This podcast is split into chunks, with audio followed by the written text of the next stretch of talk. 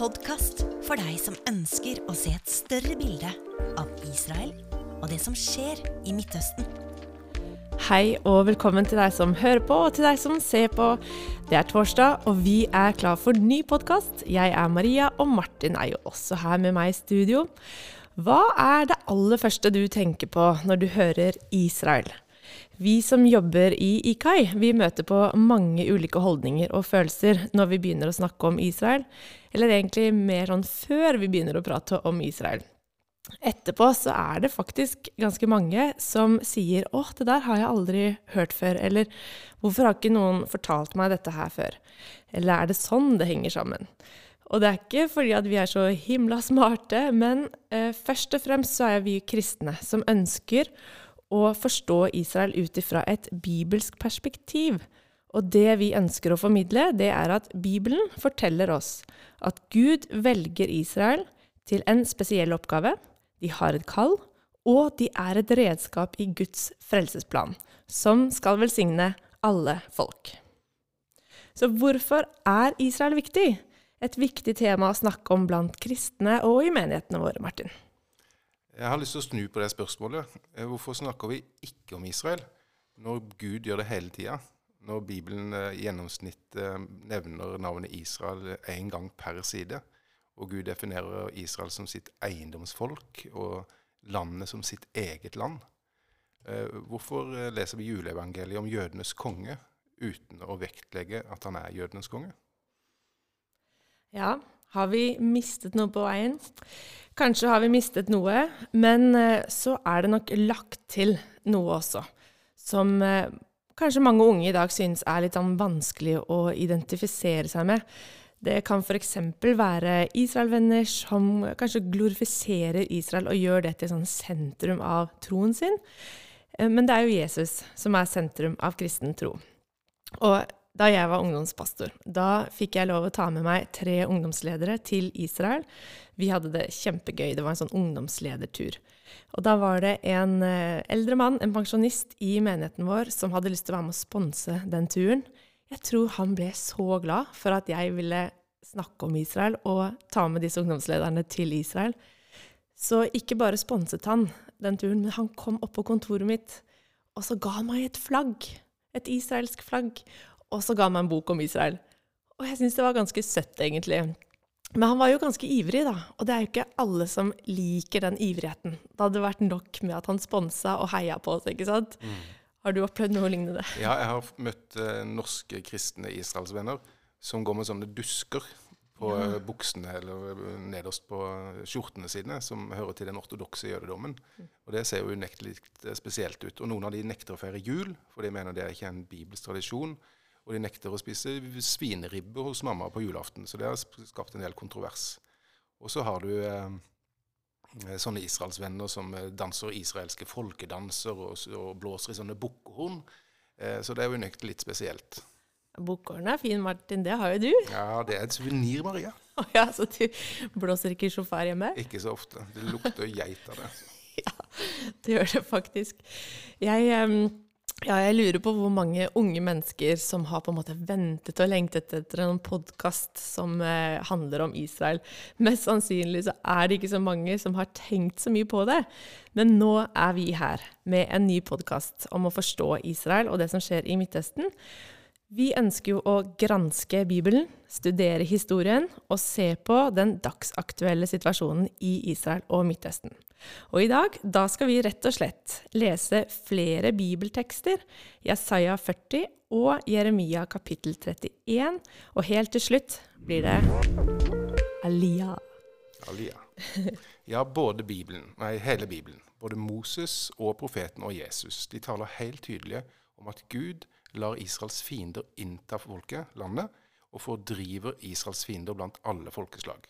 Og det her skjer, eh, det er Bibelen helt tydelig på, fordi Israel er ulydige og vender seg bort fra Gud og går på sine egne veier. Men så er Bibelen like tydelig på at Gud en gang vil si nåde til israelsfolket og samle det tilbake i landet sitt. Og igjen like udelt tydelig på at når Gud gjør det, så er det fordi at hele folket en gang skal komme i et rett forhold til Gud, altså ta imot evangeliet om Jesus og bli frelst. Vi skal lese fra profeten Jesajas bok kapittel 40 og Jeremias bok kapittel 31, som forteller om hvordan folket skal vende hjem til landet sitt, og at dette senere vil medføre til at folket som helhet en gang kommer i et rett forhold til Gud. Og dette er vakre tekster. Eh, jeg syns de er veldig vakre fordi at de viser oss Guds karakter, samtidig som en streng Gud som krever at folket forholder seg til Hans ord Eh, så er Gud full av nåde og kjærlighet. Han er forståelsesfull og barmhjertig og ønsker å gjenopprette det som er ødelagt. Så Guds plan, oppskriften med Israel, den er helt tydelig. Folket blir, for, blir fordrevet, han vil samle det igjen, og deretter, altså etter at de har kommet hjem, så vil hele folket komme i et rett forhold til Gud.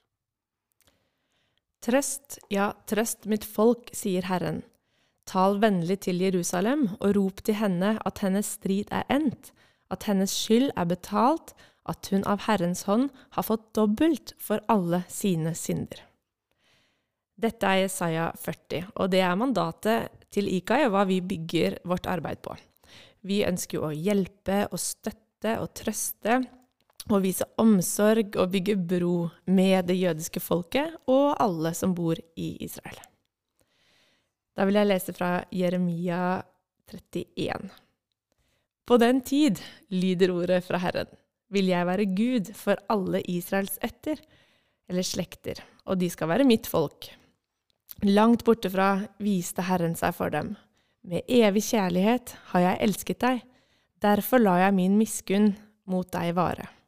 Enda en gang vil jeg bygge deg, ja, du skal bygges opp igjen, Israel, du unge jomfru. Igjen skal du pryde deg med håndtrommer og gå ut i dansen med de glade. Igjen skal du plante vingårder på fjellene i Samaria, og de som planter, skal selv nyte frukten. Og videre fra samme kapittel. Så sier Herren, bryt ut i glede og jubel, Jakob, altså Israel, og rop av fryd. La lovsangen lyde og si, Herren har frelst sitt folk, det som er igjen av Israel. Jeg fører dem tilbake fra landet i nord, jeg samler dem fra jordens ytterste ende.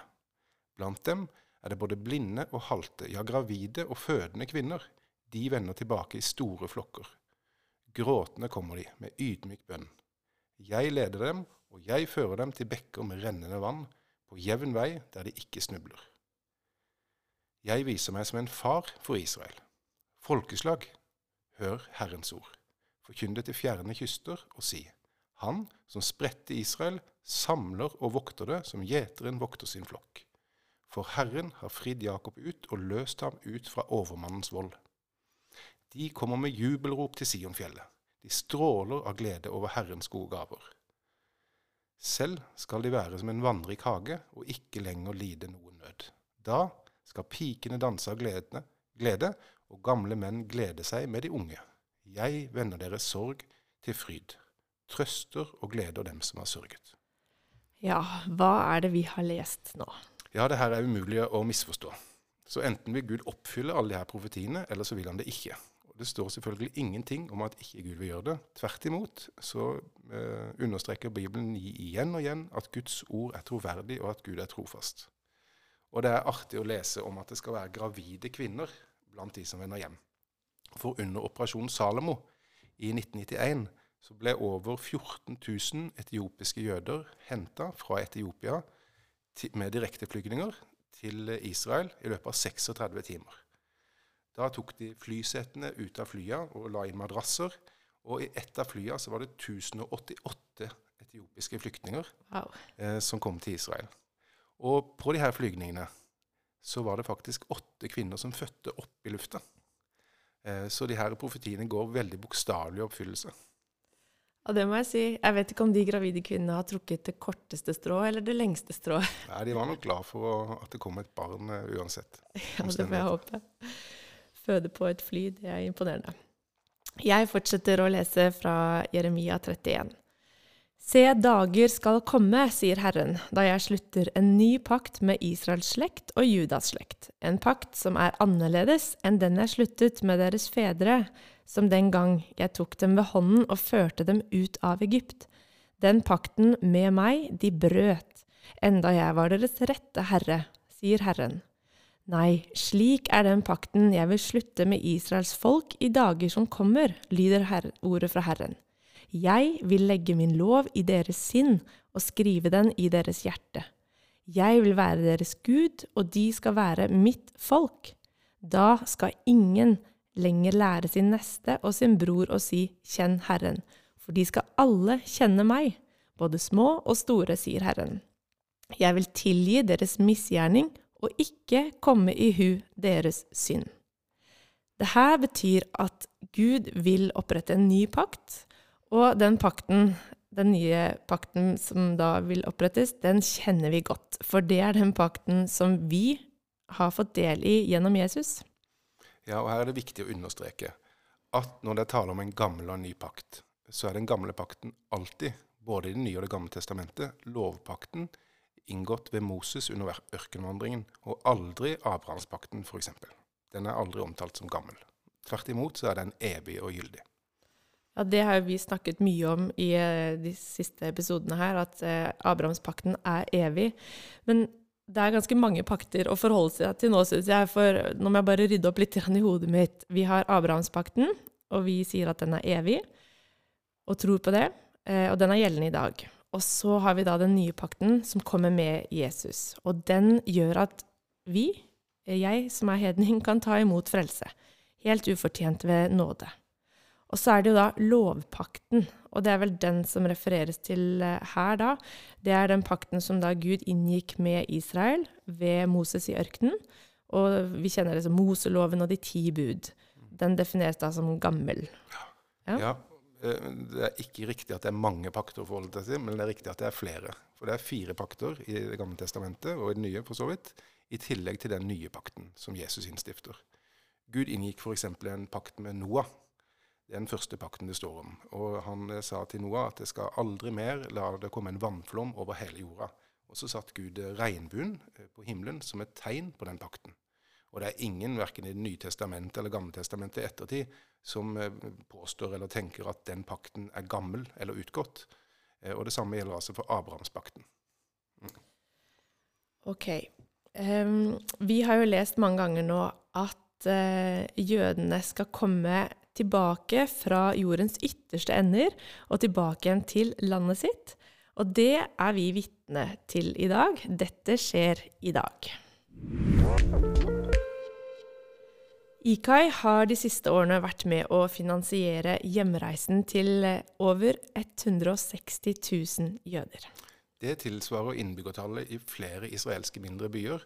Så det er jo spesielt at eh, en kristen organisasjon får lov å være med på det her på en så betydelig måte. Og bare i 2020 så kom jøder hjem fra hele 70 forskjellige land.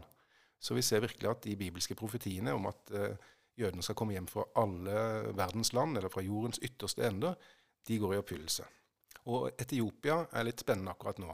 De er på randen av borgerkrig. Og eh, Knesset, det israelske nasjonalforsamlinga, har nylig vedtatt å hente hjem det resterende jødiske samfunnet i Etiopia. Eh, bare i årsskiftet eh, 2020-2021 så ble det henta hjem 2000 etiopiske jøder. Og da var IKA en betydelig aktør som finansierte hjemreisen for 500 av de 2000. Og nå skal det hentes 3000 nye etiopiske jøder. Eh, det, da er det ikke mange igjen etterpå. Og da er jo IKA eh, invitert til å være med eh, på denne aksjonen. Og så nå samler kristne over hele verden, bokstavelig talt, inn penger for å være med å bidra og hjelpe Israel å hente jødene hjem. Så det er eh, flott å være med på. Veldig konkret å få lov å være med å bygge Guds rike på den måten. Jeg håper at du fikk noe godt ut av denne podkasten, hvor vi har eh, både gransket og lest ulike bibeltekster. Dette er jo da den femte episoden av podkasten Forstå Israel. Og vi tar en veldig kort juleferie. Og så er vi straks tilbake med en ny sesong allerede i midten av januar. Men hvis du synes det er litt lenge til å vente til januar, så vil jeg bare oppfordre deg til å følge oss på Instagram. For der kan du holde engasjementet oppe. Nå de neste ukene så legger vi ut eh, både bilder og filmer fra innholdet i podkasten og litt sånn Insta-julespesial, så det er jo bare å glede seg til det. Og hvis du har spørsmål og kommentarer, så kan du sende det til oss på Instagram. Tusen takk for at du fulgte oss. Ha en veldig, veldig fin dag videre.